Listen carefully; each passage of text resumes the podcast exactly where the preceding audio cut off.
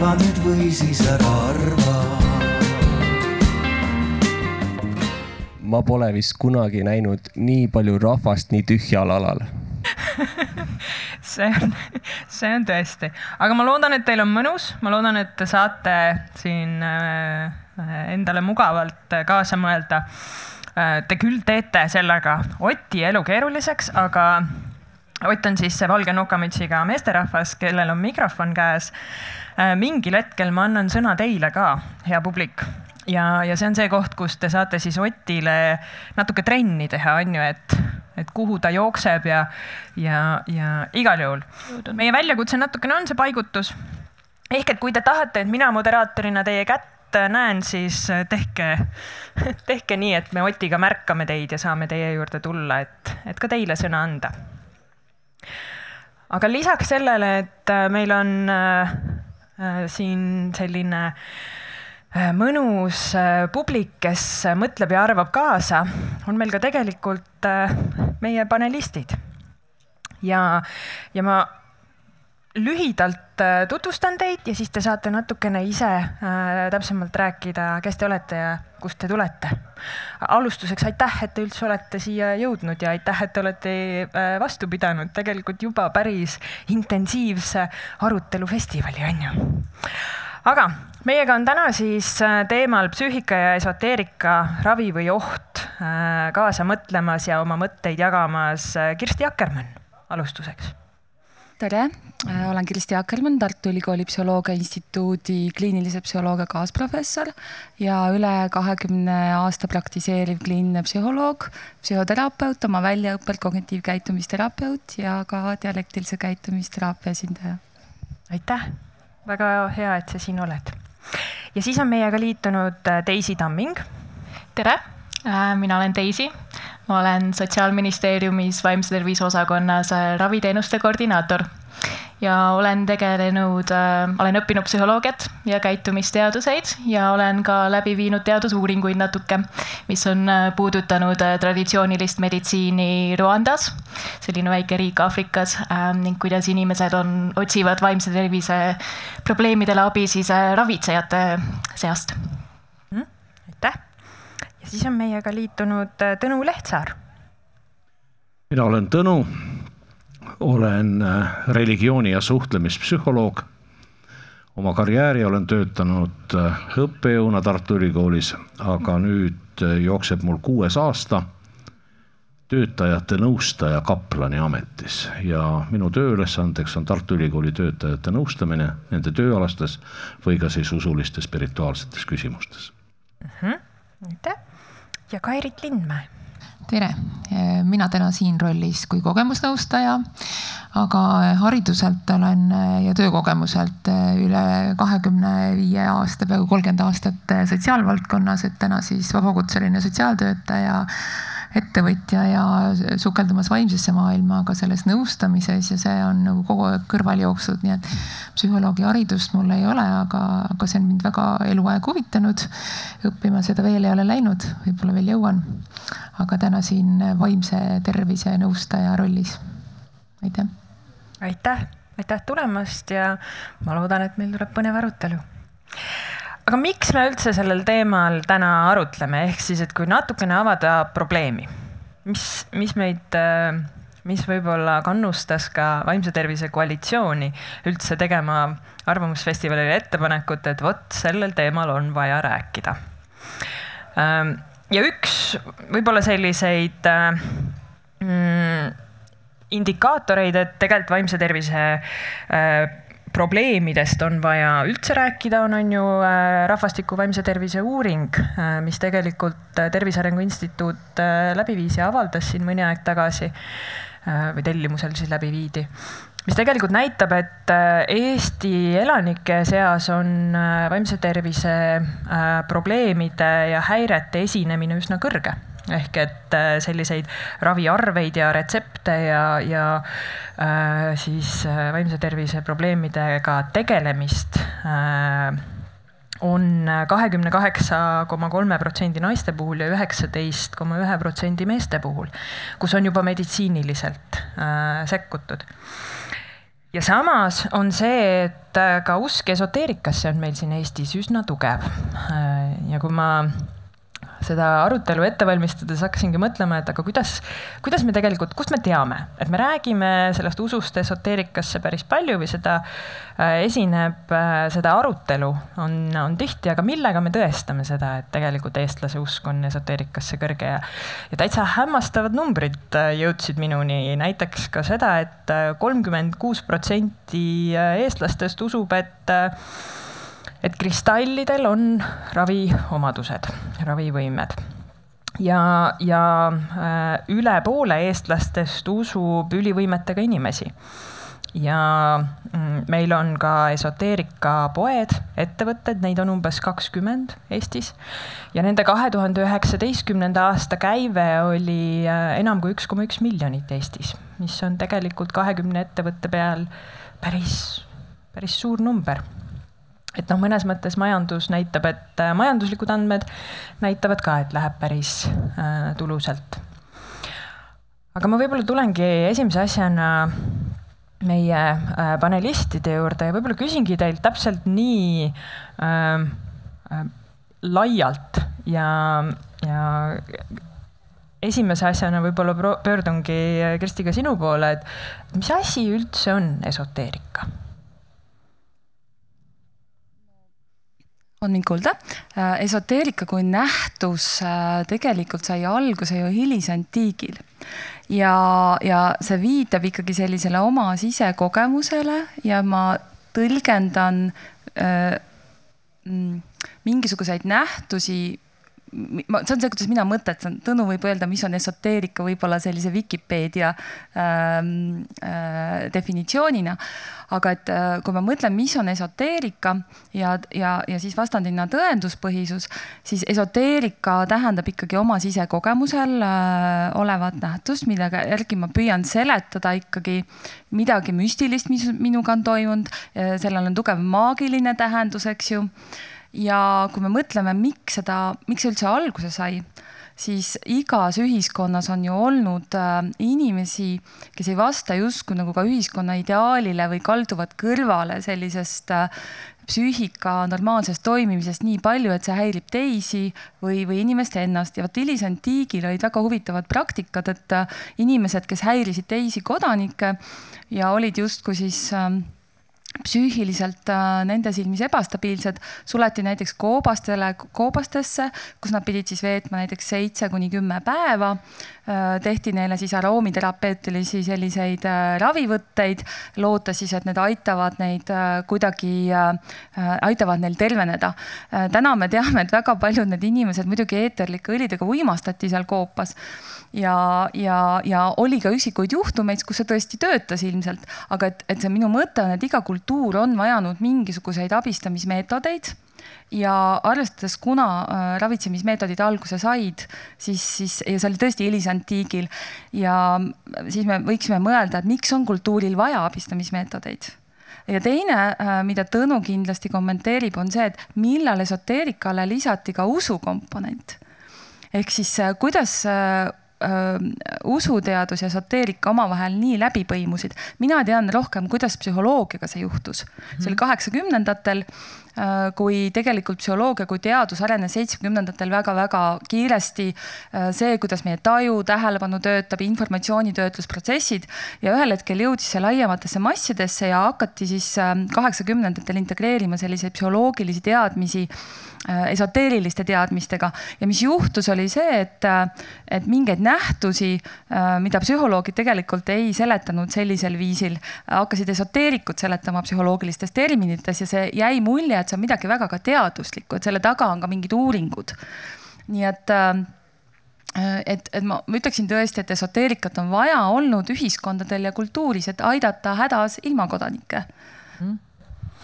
et aidata hädas ilmakodanikke ja hästi nõus sellega, sest äh, ega inimesed vist niisama esoteerika poole ei pöördu, on ju, et seal on ikkagi mingi põhjus. aga Tõnu siin oli päris mitu kohta, kus juba nagu. viidati mulle, me oleme teinud koostööd ja siis me ühesõnaga teame natuke, kuidas teine mõtleb, et sellest, see tuleb. et siin oli eh, üsna palju momente kõigepealt sellest esoteerika mõistest, see on väga lai mõiste ja seda on kindlasti ka määratletud väga erinevalt. aga üks valdkondi, millega mina tegelen, on siis hingehoid või inimeste religioosne nõustamine. ja seal on esoteerikat määratletud kui suhtlemist või suhtestumist üleloomulike jõududega tähendab, inimene omistab kellelegi või millelegi jõu või näiteks spiritismi puhul ta suhtleb taldriku keerutamine, mitmed erinevad praktikad siis vaimse maailmaga, et suhtestumine üleloomuliku jõuga. nüüd eh, ühte momenti tahaks ka täpsustada, millele sa eh, nimetasid, et kuidas siis religioon ja esoteerika on läbi põimunud. Eh, tegelikult on seal üks väga niisugune noh, terav või sügav veelahe ja ma mõtlen, räägitakse näiteks religioossest mõtlemisest ja maagilisest mõtlemisest nüüd religioosse mõtlemise eh, üks põhitunnused on see, et inimene allub Jumalale. noh, ta palub, et Jumal võiks teda tervendada või näidata talle õiget teed. aga Jumal on see suverään, kes otsustab teha või mitte teha. nüüd maagia puhul üleloomulik allub inimesele. me loeme kas nõiasõnad sooritame mingi riituse või protseduuri ja siis me saame teada tulevikku või selle maagilise vormeli tõttu eh, te, toimub tervenemine. ja tunnetuslikult või maailmavaateliselt on need kaks erinevat äh, praktikat mm,. aitäh, Tõnu ähm,. Daisy tuleme sinu juurde, kuidas sina enda töövaldkonnas siis ja, ja noh, just ka Sotsiaalministeeriumi perspektiivi võib-olla siia äh, sisse tuues, kuidas sina mõtestad või, või avaksid seda esoteerika ja alternatiivmeditsiini mõistet, mis see on? noh, minu töölauale küll ei ole selline asi veel äh, kukkunud nii-öelda, sattunud ähm,. aga eks see esoteerika on äh, maailmavaade üks viis, kuidas inimesed äh, otsivad seletusi äh, sellele, mis nendega toimub. Ähm, ja nagu Kristi ilusti mainis, et niimoodi ajalooliselt taustalt, et inimestel võib-olla ei olnud väga mitmeid ravimeetmeid, mida kasutada ja ja niimoodi on spontaanselt erinevad kristallimaagiad tekkinud mm. -hmm.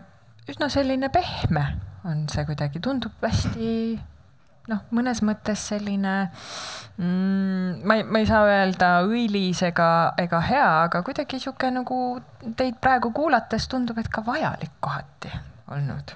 jaa.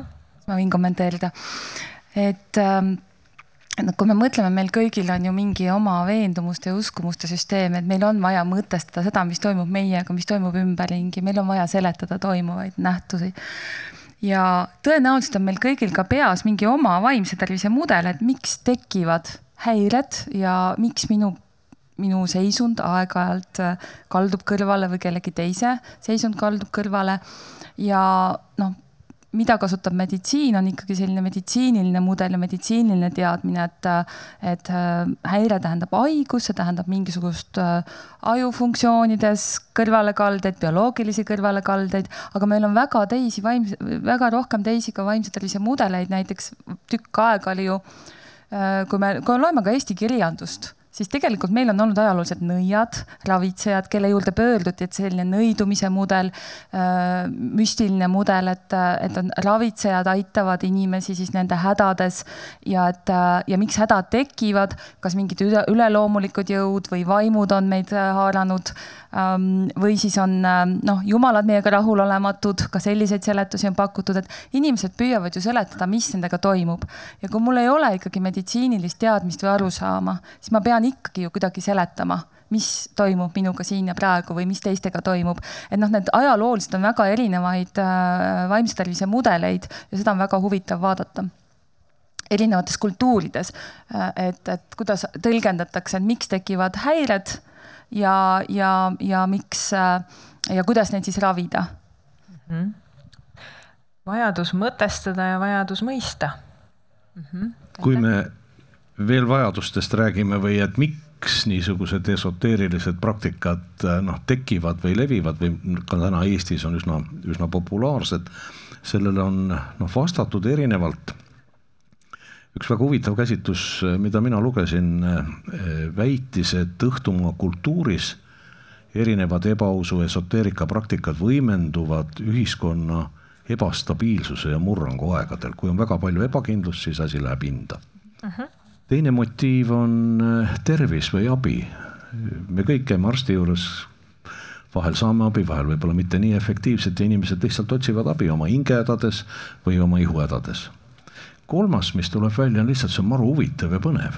vot Jaan Aru nüüd kirjutab sellest, et inimese aju on tehtud nii, et tema tahab uut asja ja see müstilisus, salapärasus, see vägi, see võime midagi mõjutada, see, see, see köidab inimesi ja neljas, mida mina olen lugenud, on niisugune huvitav, ma ei tea, kas see päris õige on, nimetatakse siis äh, religiooni sotsioloogid on selle välja käinud, on religiooni jäävuse hüpotees ühiskonnas, et kui sellised äh, stabiliseerunud usulised institutsioonid nagu kirik või kiriklikud organisatsioonid ilmalikustuvas ühiskonnas taanduvad, nende mõju väheneb, siis religiooni hulk kui selline jääb ühiskonnas sarnaseks või samaks, aga ta asendub teiste parareligioossete või siis esoteeriliste praktikatega. see on hüpotees, ma, ma ei ole päris kindel, kas see nii on, aga mõnel juhul mulle tundub, et peab vett see väide mm. -hmm. ma, ma võin äh, nii-öelda praktikuna siin kõrval väita ja äh, nähes neid inimesi, keda ma nõustan või kes kontakti võtavad ja tulevad, et, et tõepoolest, et meditsiini käest nad saavad äh, selliseid äh, Äh, nii-öelda tablette või vahel ka, vahel harva ka ärakuulamist, et miks nad lähevad esoteerika poole või kuskil alternatiivmeditsiini poole, ongi see, et, et äh, seal neid kuulatakse, seal märgatakse, antakse mingisuguseid teisi lahendusi, mis võib-olla töötavad, millesse nad rohkem usuvad. võib-olla selle meditsiiniga kontakti pole nii väga tekkinud. et kõik see teooria on tegelikult äh, praktikas nähtav et äh, kellel on nii-öelda suhted, peresuhted korras äh, arstiga kõik äh, suurepärane kontakt, omavaheline suhe toimib, need lähevad sinna teise maailma nii-öelda noh, raskemini, nad ei leia neid kive ja, ja muid teemasid nagu nii lihtsalt ülesse. et kõik me tahame olla märgatud, tunnustatud, toetatud, oma küsimustele vastuseid ja, ja me lähme sinna, kus me saame selle vastuse mingil hetkel mm. -hmm. Ma korra tulen Tõnu äh, mõtte juurde tagasi. Selles mõttes, et seda kinnitavad tõesti uuringud ka, et kui me näemegi, et on stabiilne majandus kasvab, heaolu kasvab inimestel, siis äh, huvi esoteerika vastu kukub äh, madalamaks. Ja kui me näeme, et kaks tuhat üheksa majanduskriis tekkis, siis kohe ka huvi esoteerika vastu tõusis märgatavalt et selles mõttes sel, äh, seda tõesti ühiskondlikud uuringud ka kinnitavad, mida sa äh, tõid. selle viimase hüpoteesi tõesti religioosi osa, religiooni osas ma äh, uuringuid ei tea nii, Kristi et võib-olla ma mõtlesin ka, et inimesed tahavad ju, et maailm oleks ennustatav või et me suudaksime ennustada neid protsesse ja, ja, ja tõesti ka Covidi ajal, kui siin oli väga palju ebamäärasust siis äh, inimeste hirm suureneb ju kohe, kui mul on, kui ma ei ole võimeline ennustama. ja, ja mõtleks nüüd siin äh, seoses selle abistamisega, et kui ma lähen abistava elukutse esindaja juurde, siis mul on ju mingi ootus. ma, ma ootan ühelt poolt Äh, jah, et võib-olla äh, minu ihu või vaimuhädasid leevendatakse, aga, aga teine pool on ka see terapeutiline suhe, suhe ja kontakt kahe inimese vahel. Ja, ja kui me mõtleme, miks inimesed väga pöörduvad ka alternatiivse meditsiini poole, on äh, sageli see, et noh, tavameditsiinis meil võivad olla küll väga head tõenduspõhised teadmised, aga on juhtunud vist nii, et et ei ole enam aega inimesi kuulata, aga inimene läheb arsti juurde ikka selles usus, et, et äh, tohtrihärra või proua kuulab teda, äh, võtab tõsiselt ja tal on tõesti suur ootus. Ja, ja usk äh, ju sellesse, et arst kui selline aitab määrab ka ikkagi ju väga palju. Ja millel põhi, põhinevad nüüd ravitsejaga, ravitsejate populaarsus ja tõesti, nad on populaarsed, et Tõnu, Tõnu siin äh, tõi näiteid või sina tõid näiteid nendest äh, kristallipoodide müügikäivetest, aga kui te vaatate Eesti raamatute müügi edetabeleid, noh, siis äh, ikkagi seal saja, saja top hulgas kakskümmend on ikkagi äh, esoteerika ja neid ostetakse väga äh,. ja need ei ole isegi sellised tüüpilised eneseabiraamatud, vaid puhas esoteerika, mis, mis näitab ikkagi seda, et äh, inimestel on äh, mitte ainult suur huvi, vaid tegelikkuses nad püüavad saada seda mõistmist, teadmist ja, ja, ja et, et leiaks aega, et seletada inimestele, mis nendega toimub ja, ja see on inimestele väga oluline. ehk see inimlikkuse komponent ravitseja suhtes ja abistava inimese suhtes ja omavahel. ja, ja tõenäoliselt ravitsejad võtavad rohkem aega inimesele ja, ja siin tuli välja ka kogemusnõustajad, eks ju, võtavad rohkem aega inimesele, et need sessioonid on tund, poolteist, kaks tundi kohati äh,. aga tavameditsiinis meie vastuvõtud kestavad viisteist minutit, kakskümmend minutit, et äh, Tartu Ülikooli nõustaja kaplanil on ühe inimese jaoks kaks tundi. Tõnu, sa oled priviligeeritud. mitte mina ei ole priviligeeritud. meie, meie oleme priviligeeritud ülikoolis, aga et see, et sulle see aeg anti. aga siin on koostöövõimalus, et eh, miks ei võiks teha see mitte just otseselt mingid eh, äärmuslikud alternatiivid, et ka need peavad olema nii-öelda tõenduspõhised, noh, omavahel koostööd, et perearste või eriarst ei peagi võtma seal kaks tundi inimest ära kuulata, et see võibki teha kogemusnõustaja või vaimse tervise õde või keegi teine aga..., eh, mitte arst. ja, ja, ja siin on tõesti, aga et, et võib-olla see üks küsimus on ikkagi, et olles tõenduspõhise suuna esindaja, et kuidas me teame, et miski lähenemine töötab. -hmm. küsimus ei ole ainult ju ajas, et ma tõin praegu siia selle terapeutilise suhtemehe meetme, sest äh, igas abistavas suhtes on näidatud, et kui mul on hea kontakt oma raviarsti või psühholoogi või, või äh, äh, hingehoidjaga, siis on see efekt kindlasti tõenäolisemalt saavutatav, mida ma ka ootan. nüüd tõenduspõhisus põhineb ikkagi sellel teadmisel, et see pole ainult ajaline määratlus, vaid sellel on mitu komponenti, et ühelt poolt need teooriad on tõendatud need meetodid, mis on välja töötatud inimeste aitamiseks, äh, on empiiriliselt kontrollitud ja me võime öelda, et see töötab seda ja seda tüüpi inimestel. ja kuhu tõenduspõhine meditsiin on ka edasi liikunud, on, on, on see, et ta võtab arvesse ikkagi ka kliendi eelistused ja eripära ehk selle konkreetse inimese eripära ja ka mingil määral kliinilise ekspertsuse, et, et, et mul on juba mingi kogemus, et on olemas tõenduspõhine meetod, see töötab seda tüüpi inimestele, aga teatud juhtudel ma olen juba oma ekspertsusest näinud, et ma võin natukene kõrvale kalduda. Äh, sest minu kliiniline kogemus on näidanud, et näiteks, et seda, seda tüüpi inimestel võiks näiteks lisada veel seda või võtta midagi seda vähemaks. aga see tuleb ikkagi äh, selle baasilt, et sul on ennem väga tugev tõenduspõhine ravimeetod omandatud. me keegi ei tahaks minna ju kirurgi juurde, kes teeb esimese lõikuse meiega mm. -hmm. et me ei taha olla see. et kas ma tahaksin olla see katsejänes, kes teeb oma elu esimese lõikuse, kui ma alati küsin, et kas ma tahaksin minna kirurgi juurde, kes teeb mul elu esimese operatsiooni, kas ma tahaksin minna ka psühholoogilise Mm -hmm. nõustaja juurde, kui ta pole mitte kunagi midagi õppinud, vaid hakkab katsetuse meetodi läbi ja oma kogemuse läbi võib-olla seda tegema.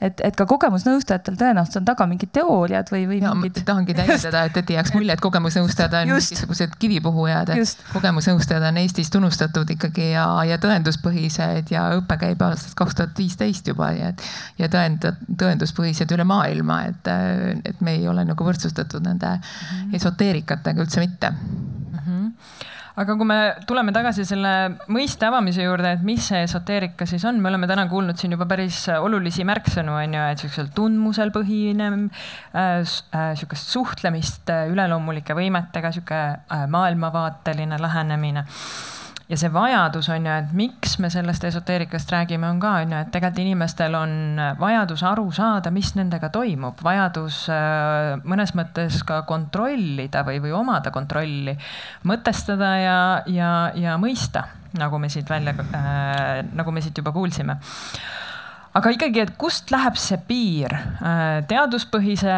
ja esoteerilise lähenemise vahel on ju, et noh, mõnes mõttes teaduspõhise jaoks on see piir üsna selgelt tõmmatud, et seal, mis on, äh, kus on teadusuuringutega kinnitatud, sealt see piir läheb.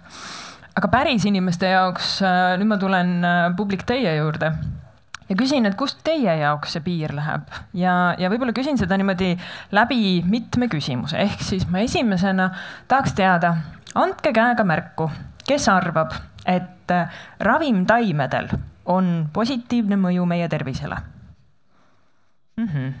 väga hea. ma nõustun, mina tõstan ka käe püsti. aga lähme siit natukene edasi.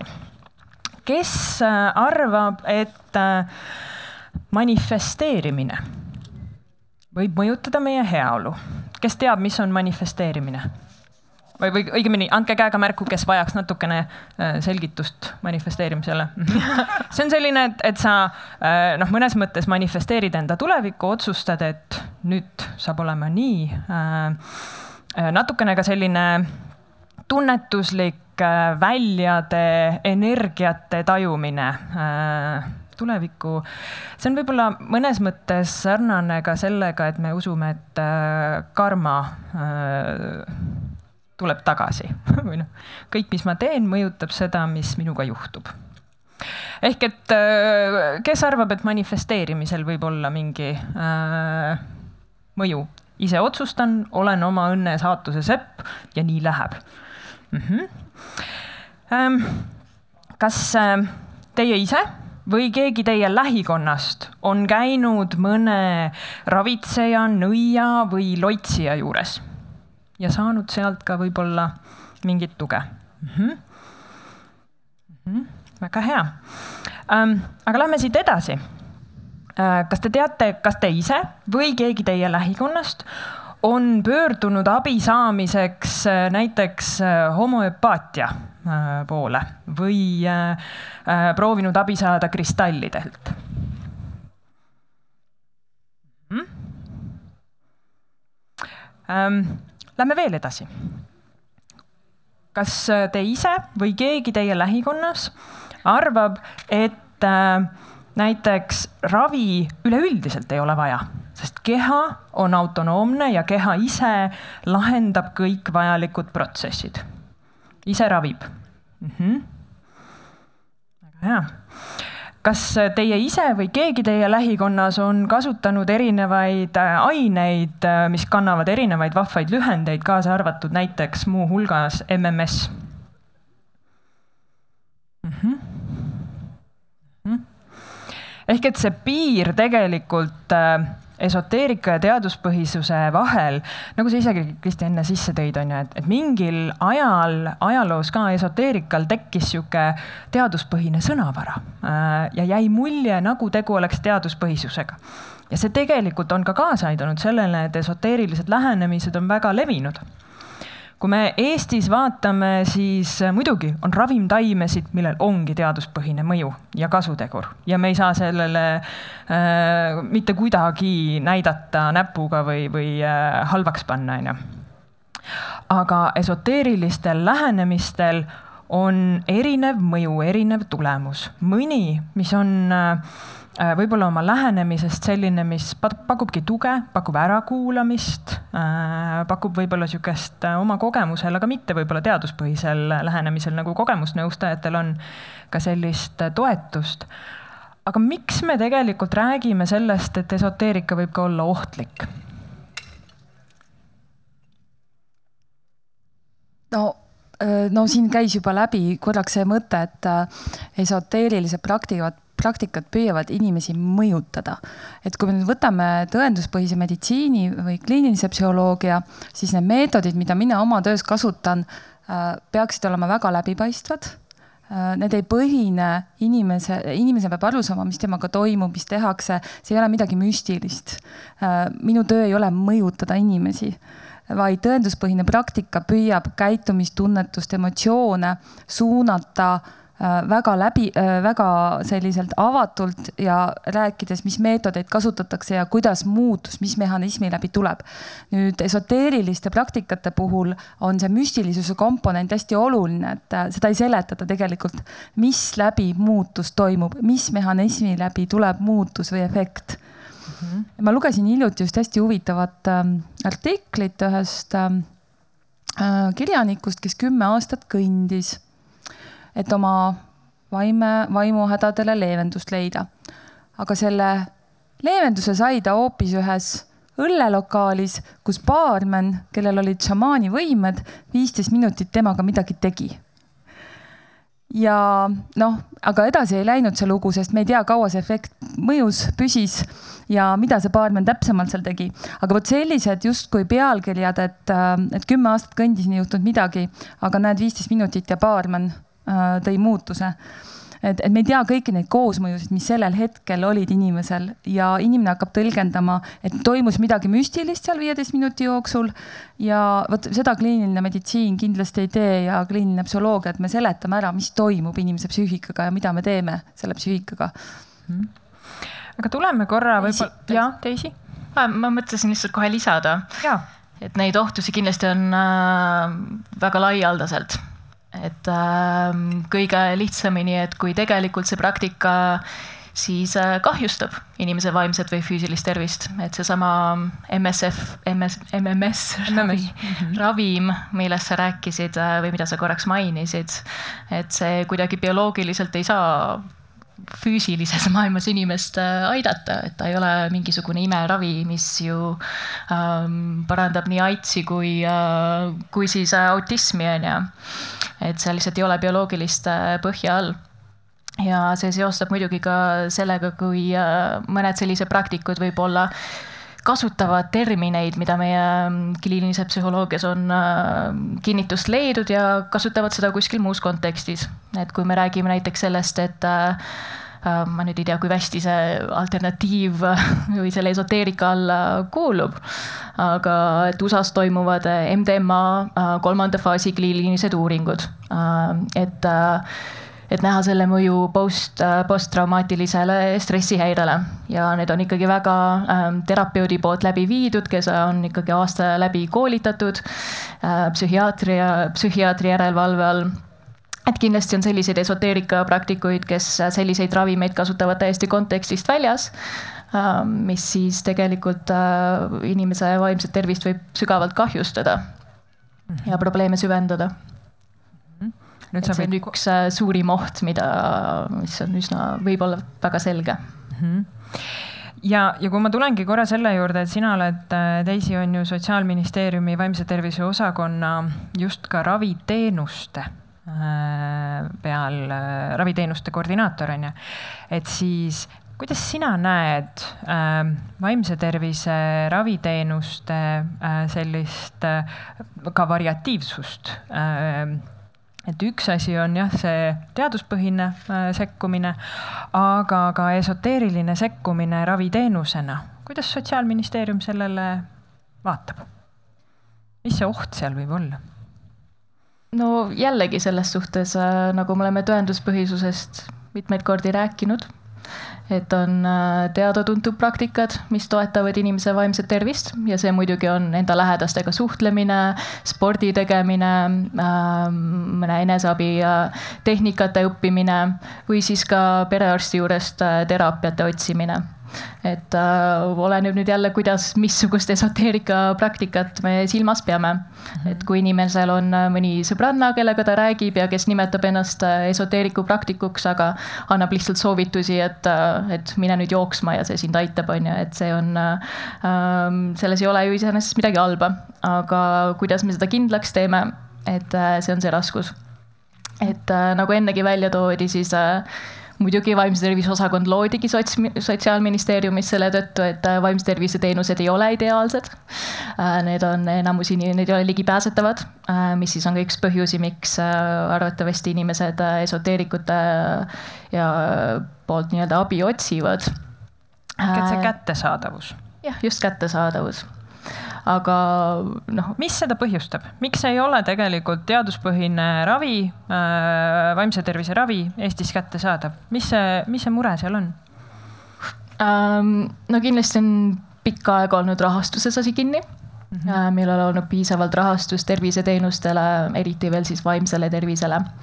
Äh, ja ka spetsialistide puudus, äh, vähese vähe väljaõppega ähm, inimeste puudus ning ka tegelikult sekkumiste puudus. et ähm, maailmas on väga mitmetes riikides lühisekkumisi, mis on väga efektiivsed, aga mis ei ole veel Eestisse jõudnud mm. -hmm. ja see, Tõnu? Hästi tagasihoidlik lülitasin ennast vahepeal välja, et Eestis on äh, kakssada psühhiaatrit terve Eesti peale. Ja me teame, et äh, no korraliselt meil peab ikka väga halb olema, et psühhiaatri jutule saada huvitav, mitu, mitu, mitu nõida kohe... ja posijat meil on, ma tahaks kohe siia kõrvale teha. aga tooksin kogemusnõustajad lauda, keda on meil registris peaaegu nelisada ja kes on alakasutatud, lisaks need, kel veel kogemusnõustajate koja registris ei ole, on tänasel päeval kõik nii-öelda tööootel, kes on tõesti saanud riikliku väljaõppe, riiklikult tunnustatud määruse alusel ja me väga tahaksime, näeksime siin seda potentsiaali ärakasutamist Mhm. just täpselt see oli ka üks asi, mis ma tahtsin äh, mainida, et äh, tegelikult vaimne tervis tõesti ei ole ainult äh, piiritletud ju psühhiaatri abiga. Et meil on väga palju teisi spetsialiste, kes suudavad isegi inimesele sobilikumat abi pakkuda, nagu kogemusnõustajad no eks see, mis on sobilik ja mis mitte, nii nagu siit on ka välja tulnud, et õigel hetkel see viisteist minutit või siis see viisteist aastat jalutamist, mis see oli, et, et milline see viimane piisk sinna parikasse praegu täpselt on, et kas see on nüüd eh, see alternatiivmeditsiin või päris meditsiin, et noh, millele me selle tõlgenduse siis lõpuks nagu anname mm. -hmm meil oli enne jutuks siin, et milles need riskid seisnevad ja noh, hingehoiu vallas on kahte ennekõike nimetatud suurema riskina vaimsete praktikatega tegelemine, just ma mõtlen siin spiritismi või seda vaimse maailmaga suhtlemist, väidetavalt üheks suureks riskiteguriks on emotsionaalne ebastabiilsus ja meeleolu langemine või depressiivsed seisundid, tasakaalutus. ja teine on sõltuvused, tähendab, inimene ühel hetkel võib juhtuda, et ei saa ilma elada, ma toon oma praktikast ühe näite no psühholoogid omavahel me räägime ikka vahel mingeid lugusid ja küsime nõu anonüümselt, helistab mulle üks tuttav pereterapeut, mina pereteraapiast tea suurt midagi ja küsib, et Tõnu, et mis asi nende horoskoobi usklikega on? ja ma sain aru, mis asja sa tahad, et minul pole ühtegi horoskoobi usklikku ja mis sul on? oli mingi vanamees tema juurde tulnud, pere sinna abielu nõustamisse või mis see pereteraapia on tänapäeval jah. ja et noh, et ei saa ei-ga läbi tülis ja ei tea, mida teha. aga need terapeudid, need on õppinud inimesed, nad küsivad nagu teatud küsimused ja siis nad saavad aru, et kui tõsine asi on ja ütlesin, mul oli üsna ruttu selge, et lihtsalt ükskord tülli läinud ja räägib Heidest suurte lugupidavate kummardustega, et asi ei ole paha. ja ütleb talle, et kuule, et nüüd mine koju, see oli Tallinnas, et võta sealt Viru värava juurest kolm roosi, vii naisele, ütle, et ta näeb järjest kenam välja ja vii õhtul sööma ja vanamees mõtleb, et ma ei saa. no miks sa siis ei saa? vaat mul tähtede seis on praegu horoskoobis ebasoodne. ma ei tohi kaks nädalat ühtegi uut otsust, kaalukat otta ja seda, et nüüd naisele lilli viia ja välja, see on enneolematu, et, et liiga suur asi. ja siis selle terapeudi soovitus oli, ütles, et aga mina sind ei saa aidata, et, et, et kui sina ise oma kahe jala peal ei kõnni ja iseennast vastutust ei võta, siis oota, millal sul tähed õigeks lähevad ja vot nii ongi, eks ole. see on väga hea point, mida igapäevaselt näen, et uksest sisse tulevad inimesed, kes tahavad, et tehke mind korda, tehke mind, et see noh, minu roll on täna see, et anda inimestele vastutust tagasi, et ma ise vastutan oma heaolu eest ikkagi. et me läheme perearsti juurde, me tahame ravimit saada, me saame selle ravimi. tihtipeale nad ei taha ka meil seda anda, aga kui me ikka kaua küsime, ikka antakse. vaimses maailmas on tegelikult täpselt samamoodi, et ma kujutan ette ka psühholoogi juurde tullakse sama murega, et tehke mind nüüd korda, siin ma olen aga noh, tõesti mina näen oma töös nagu väga palju selliseid, et. ei, see ei puutu asjasse, aga mulle meenub jutuajamine ühe koolidirektoriga, kes sai ühe isa käest sõimata, millal te mu poisist inimese teete mm. -hmm. sama sisuliselt jah. jah, aga siin me tulemegi jälle nende ootuste juurde, eks ju, et mis inimestel on, et, et äh, psühhoterapeut teeb korda mind, teeb poisi korda, teeb meheks äh,, äh, aitab naisega suhteid parandada, aga et, et meil igalühel on nagu mingi ootus, kui me läheme abi saama, aga nüüd siia sekkub ka nüüd meie mingi arusaam äh, ja mõtteviis, näiteks nagu Tõnu siin see ebausklik mõtteviis, et tähtede seis pole täna soodne, et lilli viia, eks ju, et äh, ju on inimesel mingid kogemused või mille põhjal ta seda otsustab, aga mis ma tahtsin korraks nagu öelda, et mis meil Eestis on nagu vist äh, asjad natukene mm, äh, inimestel võib-olla ei ole päris head arusaama, kes on üldse kliiniline psühholoog, kes on psühhoterapeut, kes on kogemusnõustaja, kes on psühholoog-nõustaja. et kiputakse panema nagu väga ühte patta, aga teraapia tähendab ravi, psühhoteraapia tähendab psüühilist ravi, see on ravi, mis tähendab, et kliinilised psühholoogid osutavad psühholoogilist ravi tõendatud äh, meetoditega ja ja vastavalt oma koolkonna väljaõppele. Tõnu mainis pereteraapia, kognitiivkäitumisteraapia, meil on erinevaid humanistlik koolkond, eksistentsialistlik lähenemine. aga sa kasutad tehnikaid, mis on kontrollitud ja, ja, ja sinu eetiline põhimõte ütleb, et sa ei tohi kahjustada klienti, et esmatähtis on inimese heaolu, sa ei tohi kahjustada ja me ei tea, kas ja, ja meie sellised professioonid on registreeritud kutseregistris. Äh, väga kerge on leida, kas inimesel on see professioon, äh, mis professioon tal on ja, ja me anname kõik ikkagi vande äh, eetilisi põhimõtteid jälgida. nüüd ravitsejate registrit ma ei tea, sa küsid, palju on Eestis ravitsejaid, mina ei tea, kas on sellist registrit ma kaldun arvama, et ei ole. ma usun ka, ma usun ka, et ei ole, sest võib-olla inimesed ühel hetkel leiavad, et äh, noh, sai naabrimees abi, äkki aitaks nüüd naabrimehite ka, nagu Tõnu ütleb, eks ju. et noh, häda see siis ei ole seda teha. nii et, äh, et noh, ja tulles nüüd kogemusnõustajate juurde, ega inimesed ei tea ka ju, kes on kogemusnõustajad ma loodan, et võibki... hakkavad rohkem üha teadma. ja, ja, ja, aga et äh, ma olen isegi üllatunud, et nelisada on kliinilisi psühholooge on kakssada ja natukene peal, mingil hetkel oli neid alla kahesaja.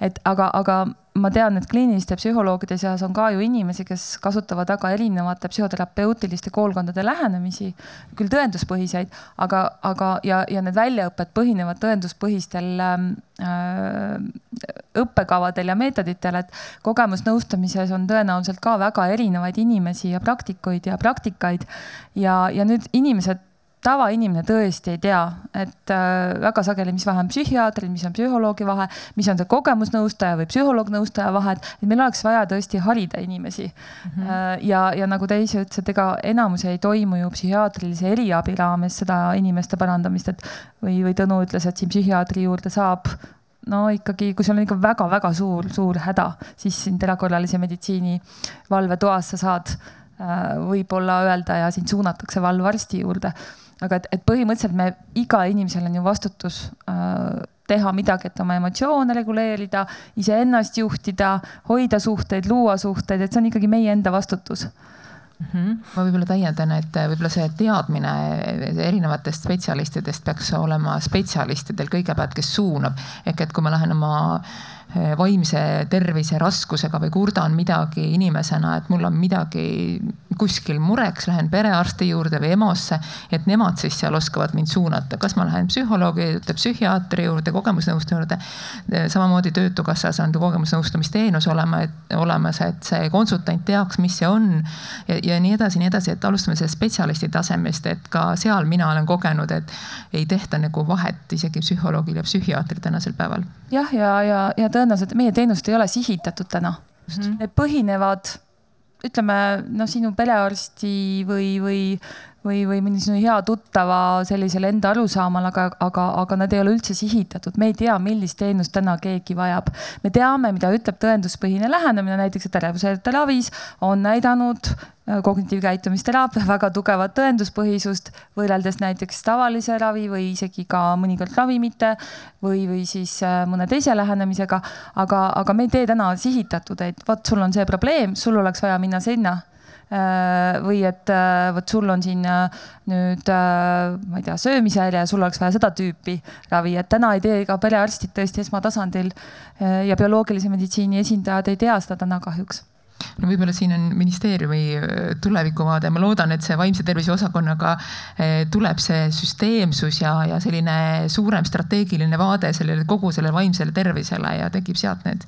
see on äh, täpselt üks asi, mida nüüd juunikuus toimus meil avaseminar strateegilise tegevuskava loomisel, kus olid erinevad osapooled ja see oli üks suur-suur ähm, märksõna siis et äh, ei ole nii spetsialistidel teada ja ei ole ka nii-öelda klientidel, äh, patsientidel teada, mida erinevad ähm, vaimse tervise alal tegutsevad äh, spetsialistid siis teevad ja kuidas nende poole pöörduda.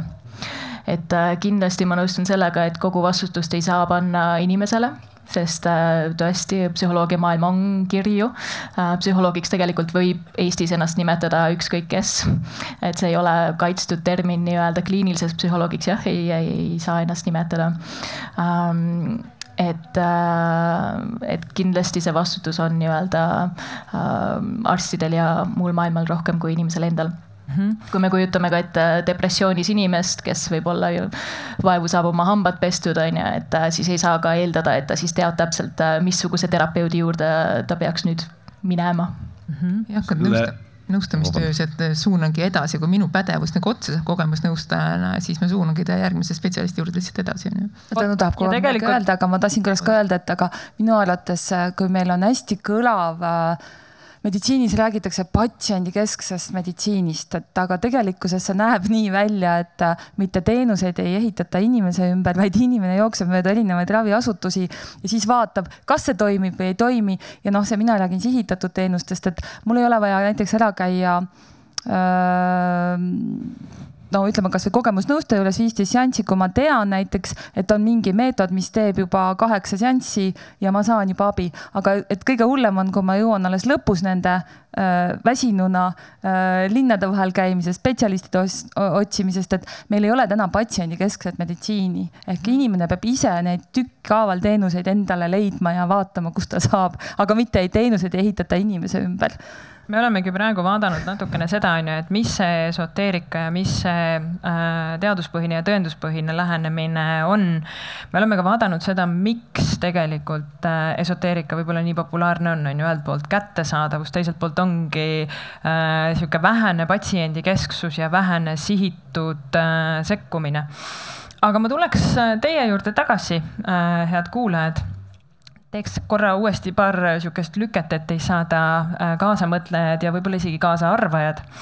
ma tahaksin kõigepealt äh, seda, et mõtlete korra kõik, kes te andsite käega märku, kes te ise või teie lähikondne on pöördunud mõne nõia või loitsija või äh, posija juurde.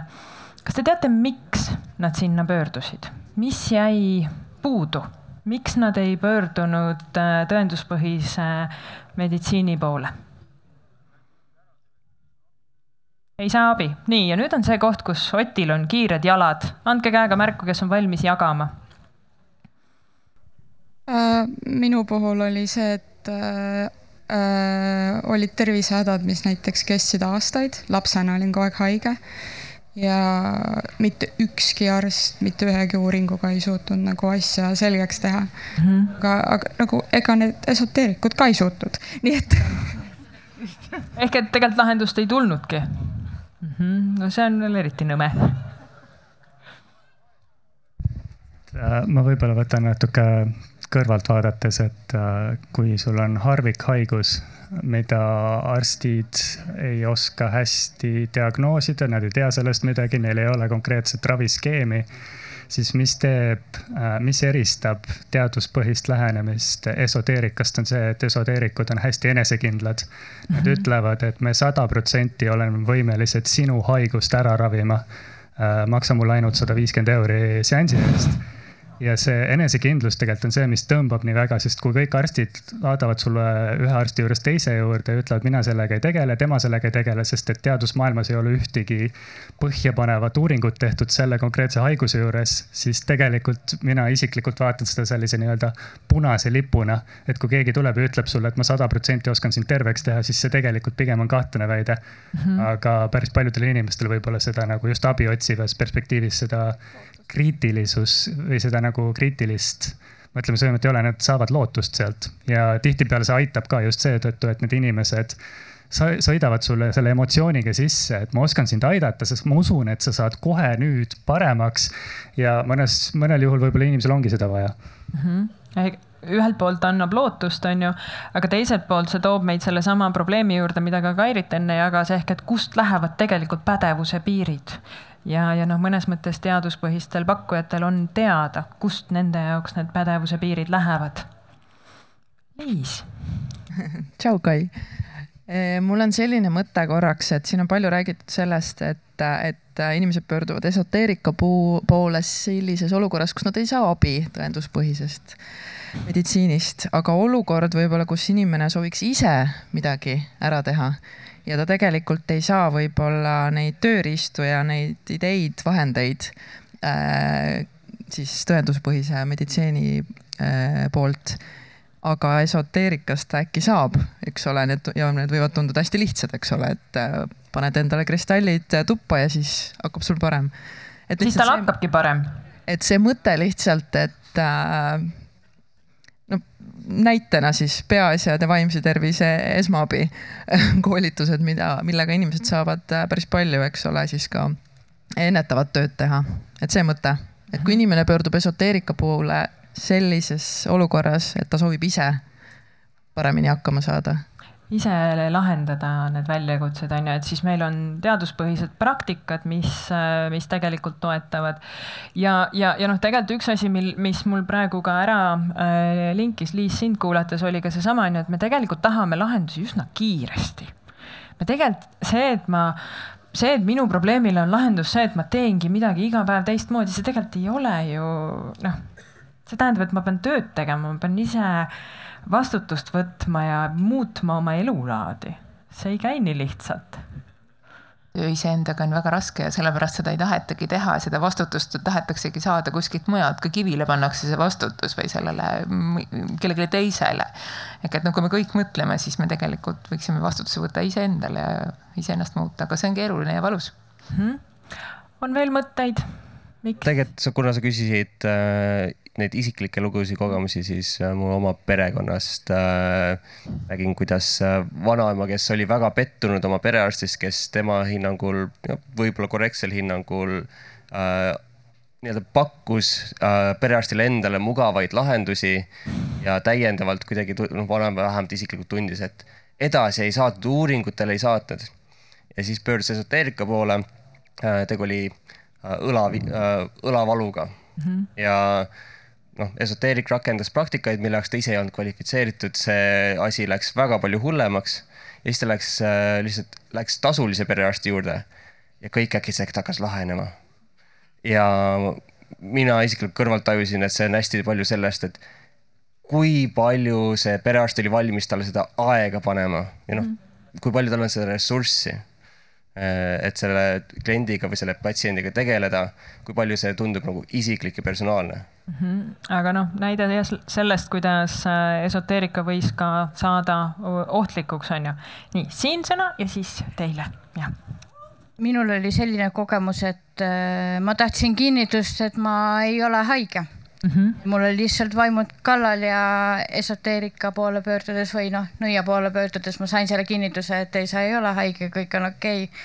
sa ei pea rohtu võtma ega midagi, et lihtsalt maksad raha ja saad terveks, vaimud lähevad ära ja sinuga saab kõik korda. ja läksidki ära või? ei läinud. kuidas läks? natuke aega oli korras ja siis oli kõik jälle tagasi sama. nüüd vaimud tagasi? jah. Ma kohe, kui sa oled valmis tegelikult jagama, siis ma küsiksin, et mis, mis sa siis nüüd täna teed? kuidas sa siis tegeled sellega, et on vaimud?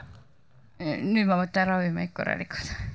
väga tore kuulda no ma arvan, et äh, üks asi, mis äh, Liis ka mainis, et äh, ikkagi inimestel see ise vastutuse võtmine või ise hästi palju vaeva nägemine, et öeldakse, et KKT ideaalne klient on see, kes on valmis palju kodutööd tegema ja palju pingutama. aga kui keegi ikka ütleb, et kuule, maksa sa sada viiskümmend eurot ja et siis ühe tunni pärast on kõik ülihästi, et noh, siis võib-olla on ka nagu see koht, kus pöördutakse mm, kergema tee suunas justkui mm. -hmm jah, see on see kivile vastutuse andmine või kellelegi teisele inimesele selle vastutuse andmine. nii, siin oli veel äh, kommentaar. et äh, me peamegi tegelikult võib-olla ise ka äh,, noh, üks asi muidugi ongi terviseteenuste kättesaadavus, perearsti kvaliteet see aeg, mis perearst panustab minu kuulamisele. aga, aga jah, see enda vastutuse roll kindlasti. kas meil oli siin mõni perearst ka või?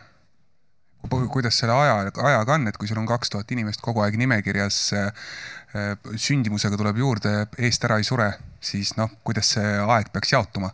aga teine teema on siis äh, olukord, kus eelnevate arstide tööd ei kontrollita, sest äh, on ju usaldus ja ega sa ju kellelegi näpuga ei saa näidata.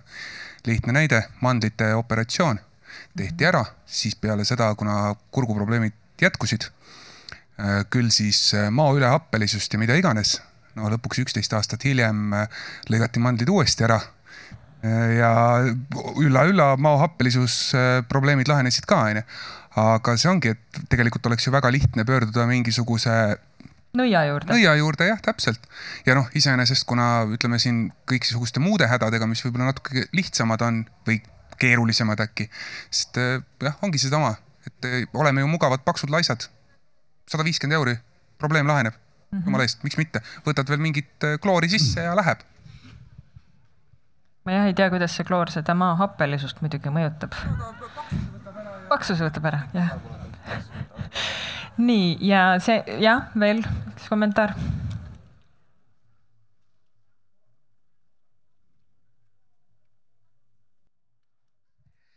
mina tahan öelda seda, et kõige tänuväärsem klientuur äh, igasugustele alternatiividele on vähihaiged. ja vähihaige, kui sa ikkagi vaatad surmale otsa, siis sa võtad kõik, mis sul võtta annab. ja ma olen tänulik äh, sellele seltskonnale selle eest, mu enda töökaaslane kolm aastat ta põdes ma olin kogu aeg ta kõrval ja et ta ostis nende käest oma megakalli raha eest lihtsalt lootust.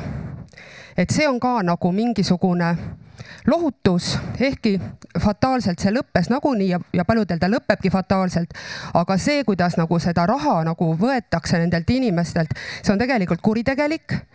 ja, ja siis veel ähvardatakse ka, et kui sa lõpetad, siis sa sured ära ja see surm ongi ju lõpp mm. -hmm. ja ja selle koha pealt ikkagi on see, on see väga ohtlik.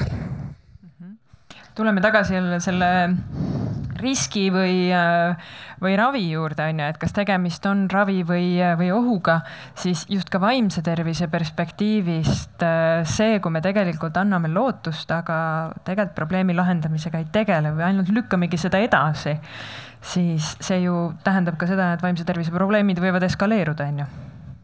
Ma kommenteerin selle viimase kommentaari jätkuks, et viisteist aastat tagasi ka vähidiagnoosi saades olen elus, olen teinud selliseid asju, mida elus enne vähidiagnoosi ei teinud. olen teinud peale vähidiagnoosi. nii et ma ei ütle, et kõik vähidiagnoosid lõpevad surmaga, seda esiteks jah, minule ütles ka arst, et äh, vaata, et sa nüüd ei lähe kuskile esoteerikasse või ma ei mäleta neid lauseid täpselt. loomulikult ma läksin, aga terve mõistus on siiski see, mis saab võitu ja mõtledki, et kumb siis tähtsam on, kas see, et no mina olen ikkagi meditsiini usku et jah, ma võin käia ja olen ka käinud erinevate igasuguste huvitavate asjade juures, mis olemas on, kõiki ilmselt mitte läbi käinud veel, aga aga siiski jään meditsiini usku, sest meditsiin tõesti töötab. kõik me võime neid äh, puid kallistada või ongi, et kus, kust inimene saab selle usu või, või toetuse endale, et äh, on see nüüd äh, jumal, religioon või on see see kivi, et kui see teda toetab. aga siin kohapeal noh, minu sõnum on küll see, et meditsiiniga tuleb teha koostööd, tuleb teha omavahel suhelda et, et räägidki arstile, et jah, ma usun nendesse võib-olla kividesse ka, aga siiski ma tulen ikkagi noa alla ka onju, et et need käivad käsikäes, et ei saa välistada nüüd noh, seda, et ma võtan ainult meditsiini või vastupidi, võtan ainult alternatiivi meditsiini, et tõepoolest see ei ole okei okay,, et. Mhm. ja lõpuks on ikkagi arst, kes otsustab selle terve olemise eest. muidu Uues Testamendis on väga huvitav lugu, Jeesus teeb terveks kümme pidalitõbist. noh, see oli sel ajal, tähendas ühiskonnast väljatõugatust, ravimatu nakkushaigus ja mida ta ütleb neile, minge näidake ennast preestrile. Aga preester oli see, kes ütles inimesele, kas sa oled haige või terve. ja mina arvan ka seda, et lõpuks on ikkagi tänapäeva keeles on mine näita ennast perearstile. noh, oled sa teinud veel, kui noh, vaimud ära ei lähe, eks ole, aga nüüd täna võtad rohtu, eks ole, vot ikka arsti juurde ehk et äh, muidu sellel äh, lool oli äh, tol ajal üks tähendus, preestril oli üks roll, tänaseks on see roll muutunud, on ju, tänaseks selle rolli on võtnud perearst. ta ütleb, kas inimene on haige või terve. just, väga hea. meil on kaks kommentaari veel Oti juures ja siis tuleme siia ja siis natuke vaatame, vahetame käiku. tere, tere. minu nimi on Erki ja ma võib-olla natukene, kuna see on arvamusfestival, siis me arvame, arvame ja ma arvangi praegu, et tegelikult üks termin, mis on läbi kõlanud, patsiendikesksus ähm, see ei peaks teps mitte enam niimoodi olema, vaid tegemist võiks olla inimkeskse lähenemisega, mis tähendab seda, et äh, see spetsialist, olgu selleks õde, arst, kogemusnõustaja, on samavõrd väärne äh, indiviid seal protsessis ja temal peab samuti olema seda kõike tehes hea, olgu selleks keskkond, äh, vastavad täiendkoolitused ja nii edasi. sest sealt me saame edasi liikuda sinna etappi, kus esmaskontaktid patsientidele, olgu selleks tegelikult õde, arst, nagu ma enne mainisin, siis nemad peavad juba teadma, et kuhu võiks edasi patsienti suunata. praegu see ei ole niimoodi. ma olen õde minu juurde tuleks võib-olla mõni patsient ja ma ei oskaks teda kohe nõnda edasi suunata. Väga hea, et Sotsiaalministeeriumis on selline töörühm loodud. see tähendab seda, et esimesena peaks tegelikult ette võtma need esmaskontaktid, kes on patsientidel ja neid harima vastavalt, et me oskaksime hakata neid edasi suunama. Ja sealt me liigume edasi siis selle juurde, et need patsiendid, kes on meie juures, oletame, võtame sellise näite, vähihaiged tulevad meie juurde ja arst jah, diagnoosib selle ära ja siis hakkab see edasine ring käima ja võib-olla ta tõesti jõuabki siis oma situatsiooniga sellise alternatiivi juurde. ja võib-olla see alternatiiv suudabki teda mõjutada selliselt, et ta ei soovi enam jätkata kliinilise tõenduspõhise meditsiiniga ja tegelikult üks küsimus, mida ma tahan, et te jätaksite meelde, äkki ma saan vastuse teilt. on teil kogemust selliste situatsioonidega, kus te olete pidanud äh, ümber veenma inimest sealt äh, alternatiivist, et ta tuleks tagasi sinna kliinilise meditsiini juurde ja kui kaua see on aega võtnud? Aga ma jätkan oma looga praegu. Äh, ja minu oma kogemusest olen ju ka käinud patsientide juures, kes on noh tegelikult juba lõpustaadiumis oma vähihaigusega. ja nad on endiselt seda usku jah, tõepoolest, et alternatiiv aitab neid. Nad söövad sisse erinevaid ravimeid, vabandust, mitte ravimeid, aineid. Ja endiselt see lootus tõepoolest on neil olemas, nagu üks eelkõneleja siin mainis ka. ja see on väga tänuväärne asi neile, kuid tegelikult, kui palju me oleksime võinud ja saanud enne seda kõike äh, muuta. ja, ja üks küsimus ja mõte tegelikult on veel, et äh, kuidas nagu vastutusele võtta neid inimesi kas meil on võimalus võtta vastutusele neid inimesi, samas kui me vaatame võib-olla Facebooki äh,, esoteerik Monika ja rohkem ei tea temast midagi.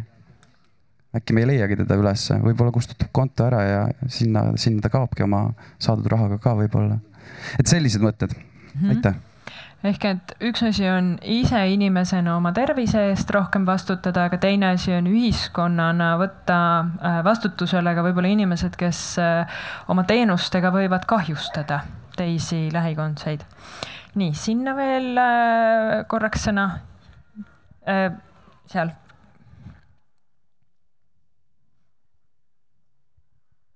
selline küsimus tekkis, et me räägime siin äh, teaduspõhisest lähenemisest ja millele ma absoluutselt kirjutan alla igatpidi. et kas on tehtud ka uuringuid just, mis näitavad siis, et esoteerika nii-öelda ei toimi, et äh, üks asi on see, et me näitame, et äh, need lähenemised, mida ähm, litsenseeritud praktikud kasutavad, toetavad, on tõendatud ja, ja kasutatakse neid asju, mis on näidanud, et toimivad, aga kui palju ja kas on ka mingisuguseid uuringuid, mis näitavad siis, et esoteerika nii-öelda ei toimi või kas on ka näiteks võrdlusuuringuid, et kui palju on nagu teadusmaailm avatud üldse sellist asja uurima, et kuigi loogika ütleb ühte, aga et kui me tahame teaduspõhisust, et kas me oleme seda ka kuidagi saanud äh, näidata?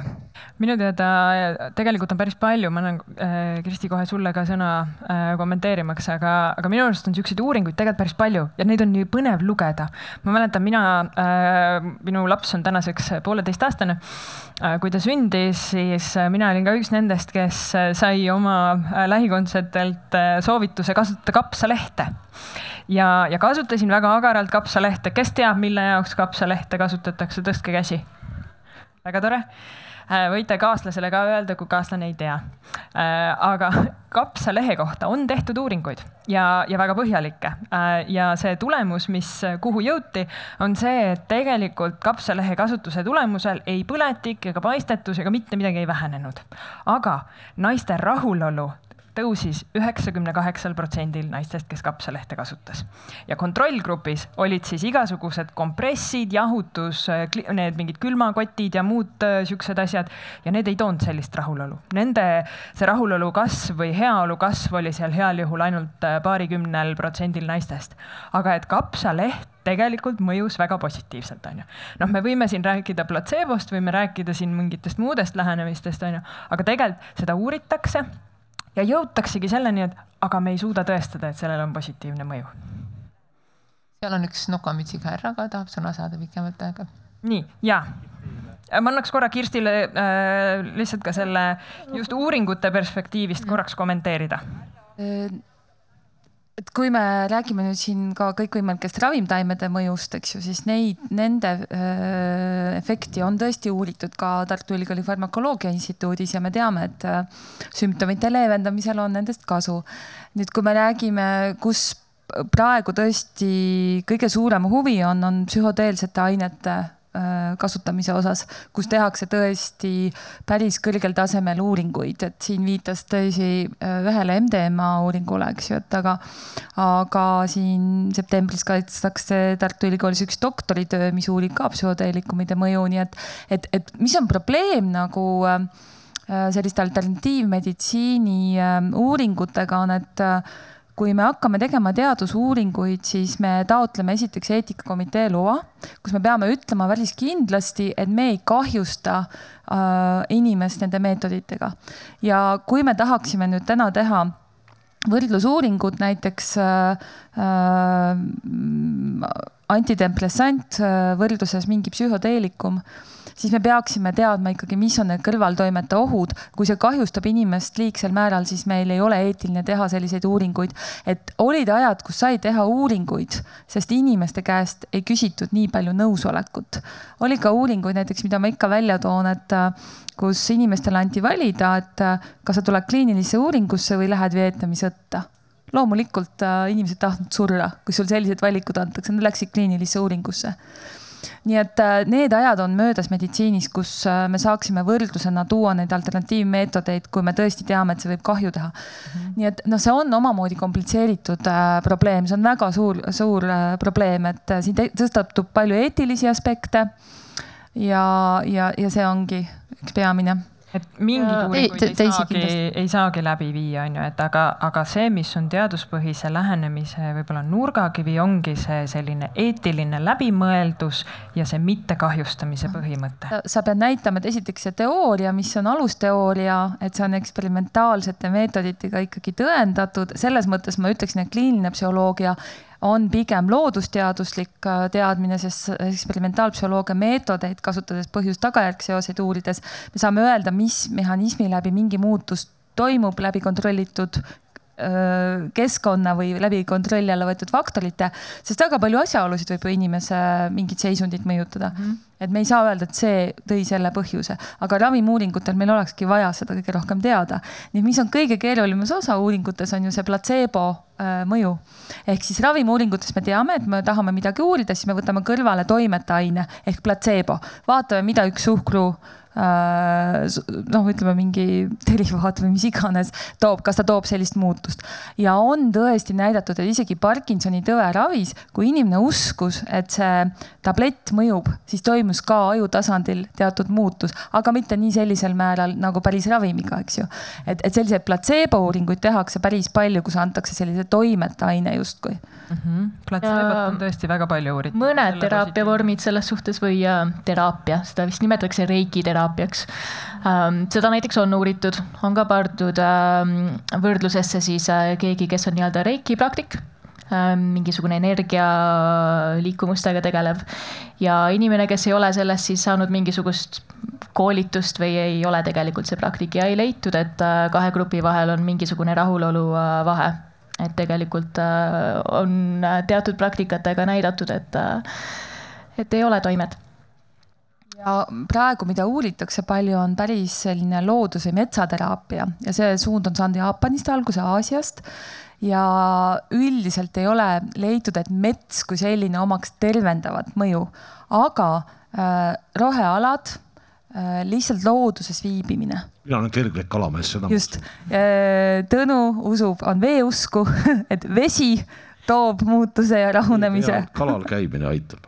just, sinu kogemus ütleb seda nii, aga võtame veel korra publikust kaks kommentaari, üks siit, oota, meil siin meesterahvas oli enne, siis me lähme sinna diivanile ja siis siia ja siis on kõik. aitäh juhatajale.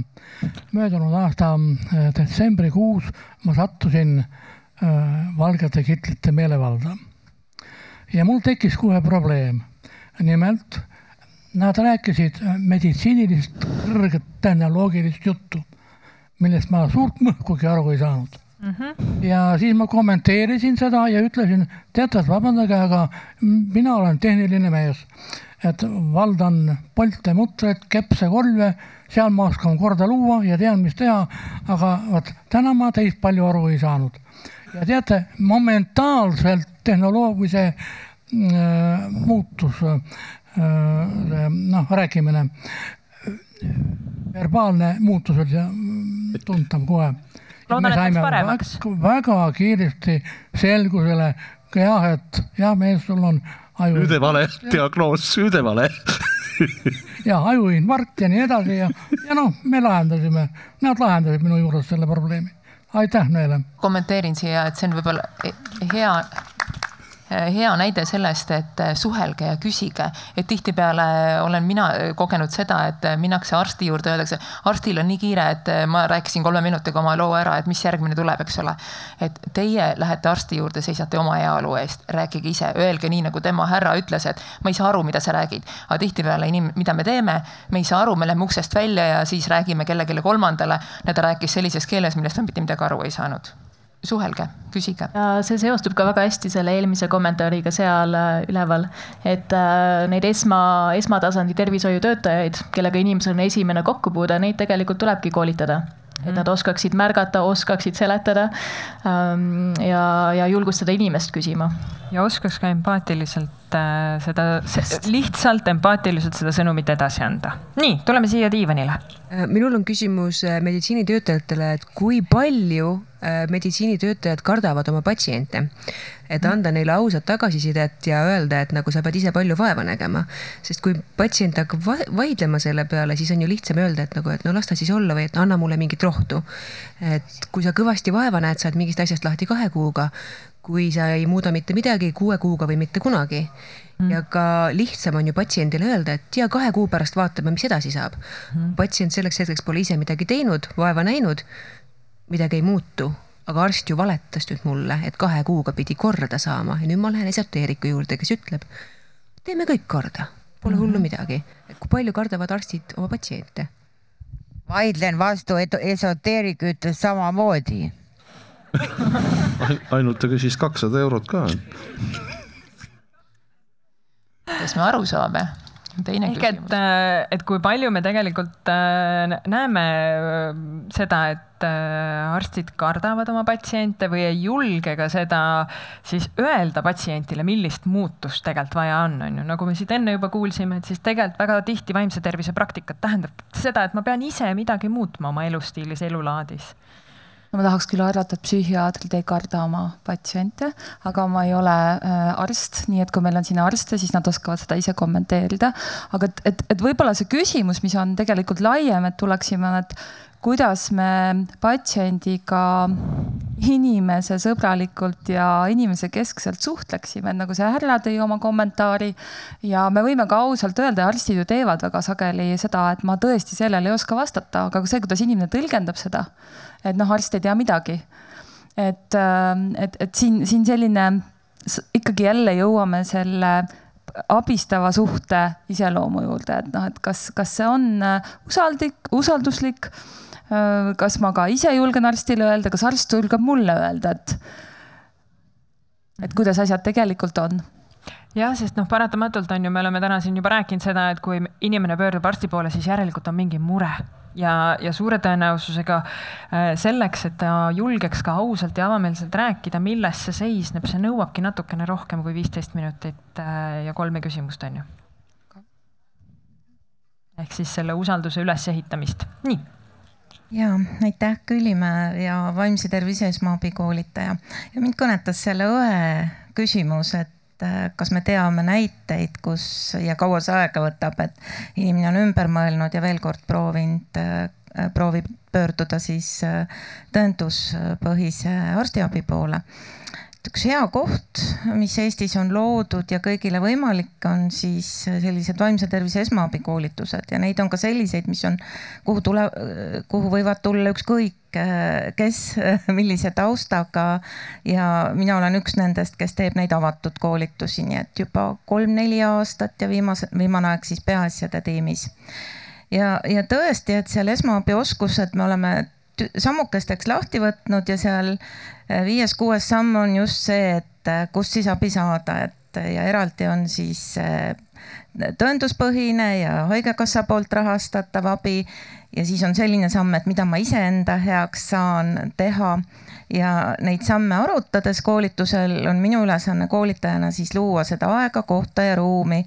ja kui koolitusel on erinevate arvamustega inimesed, siis nad saavad rääkida ja ja, ja, ja lõpus äh, sageli teisi kuulates seda koolitusmaterjali, mis me oleme kokku leppinud, et mis abivõimalused on, äh, edasi andes, siis äh, lõpuringis ma küll võin öelda, et mina, ma ei ole statistikat teinud, aga et päris paljud, kes on nagu lootuse kaotanud saada abi ähm, tõenduspõhisest või Haigekassa poolt rahastatud äh, tervishoiust, et ütlevad, et ma tänu sellele koolitusele veel vaatan ringi ja julgen pöörduda.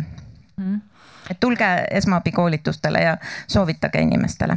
just ja mina kohe siin kajan kaasa, et kindlasti soovitangi, sellepärast et ja tegu ei ole on ju koolitusega, mis on mõeldud kuidagi meditsiinitöötajatele, see on mõeldud meile kõigile.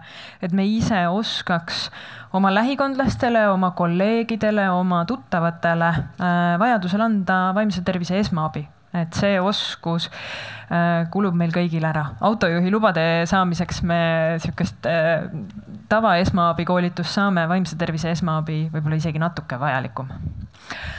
aga meie aeg paratamatult on nii kaugel, et äh, me olemegi jõudnud sihukese väikse kokkuvõtte kohani.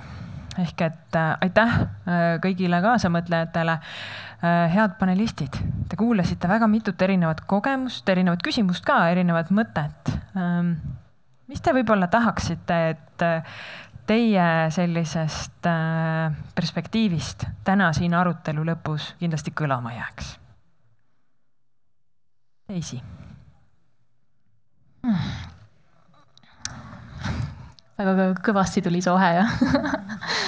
Um, kindlasti see, et äh, vaimse tervise osakond töötab väga kõvasti selle nimel, et oleksid äh, vaimse tervise teenused rohkem kättesaadavad.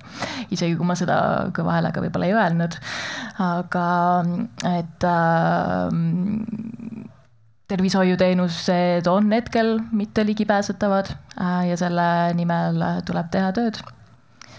Meie poolt ja et selliseid praktikaid tegelikult tasub ka uurida, nagu me mainisime, et teistes riikides äh, teatud äh, praktikaid, mis, mida võib siis äh, panna esoteerika kategooriatesse, on uuritud. kindlasti mitte kõiki, sest need uurimised on raskendatud. Ähm, aga et ka teaduse arendusse tuleb siis panustada. Mhm. ja see muidugi tähendab raha just. kättesaadavus tähendab seda, et meie riigina otsustame, et see on vajalik ja et me riigina ka maksumaksja raha sinna suuname. jah, ja vaimse tervise osakond on tegelikult väga uus, et alates jaanuarist. et ja. Äh, vaikselt on äh, riik äh, vaimsesse tervisesse tegelikult väga palju panustamas väga tore, ma loodan, et sinul ja kolleegidel Sotsiaalministeeriumis läheb selle raha eest võitlemisel hästi. Kirsti no siit aruteludest äh, võib-olla ma võtaksin kokku äh, seda, et äh, meil kõigil aeg-ajalt on mõistlik ja kasulik mõelda, et kuidas ma saan aru ja mis kriteeriumid need on, et kas minu vaimse tervise ja heaoluga on kõik hästi või see hakkab see natukene juba see muutused toimuma minu jaoks negatiivses suunas, et õppida märkama.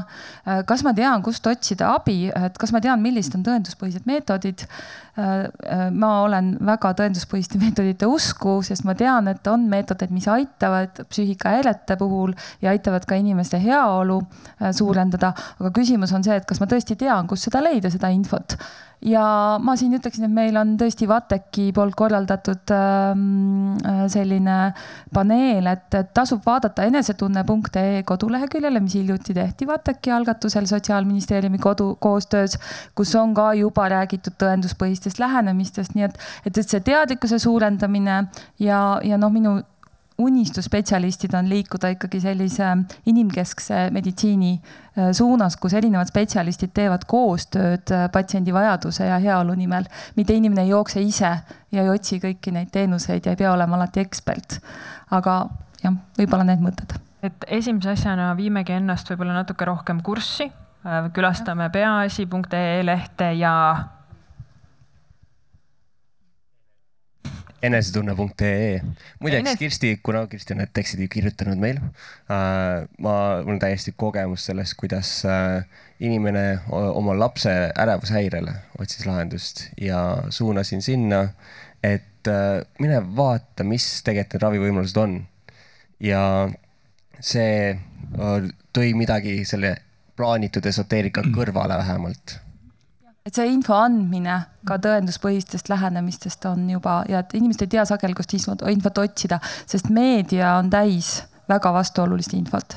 et meil on, riigil on vastutus tagada ikkagi selliseid äh, tõenduspõhiseid, äh, koondada tõenduspõhist teadmist mingisugustele kommunikatsiooniga seda edasi kanda ehk et äh, Sotsiaalministeerium töötab selle kallal, et oleksid teenused paremini kättesaadavad. Äh, me töötame selle kallal, et kliiniliste psühholoogide äh, arv Eestis tõuseks. me töötame selle kallal, et info tegelikult teaduspõhise ja tõenduspõhise meditsiini kohta oleks kergemini kättesaadav. Tõnu. minu jaoks jääb kõlama see, et kui on probleem, siis tuleb otsida ise ka abi ja neid võimalusi on hästi palju, siin tulid mitmed välja tsiteeriksin siinkohal ühte oma üliõpilast, kes ütles, et parem on nutta psühholoogi juures kui naerda psühhiaatri juures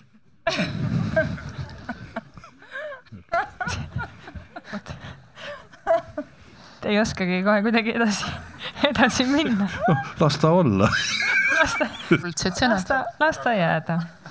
käpi, las olla. just, Kairit mina kutsun üles meditsiini usaldama, meditsiin areneb, küsige meditsiini käest, kelle juurde, kuhu, küll nad suunavad, suhelge, suhelge omavahel, küsige eh, lähedaste käest, mis on siin erinevates eh, paneelides juba eelnevalt läbi käinud, et rääkige, rääkige.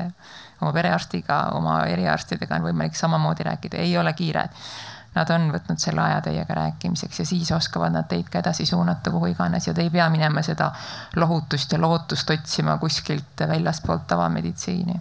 et kõik võimalused on olemas jah, ja lisaks on veel kogemusnõustajate register ja koda, äh, kuhu saab ka pöörduda et.... oleme ootel.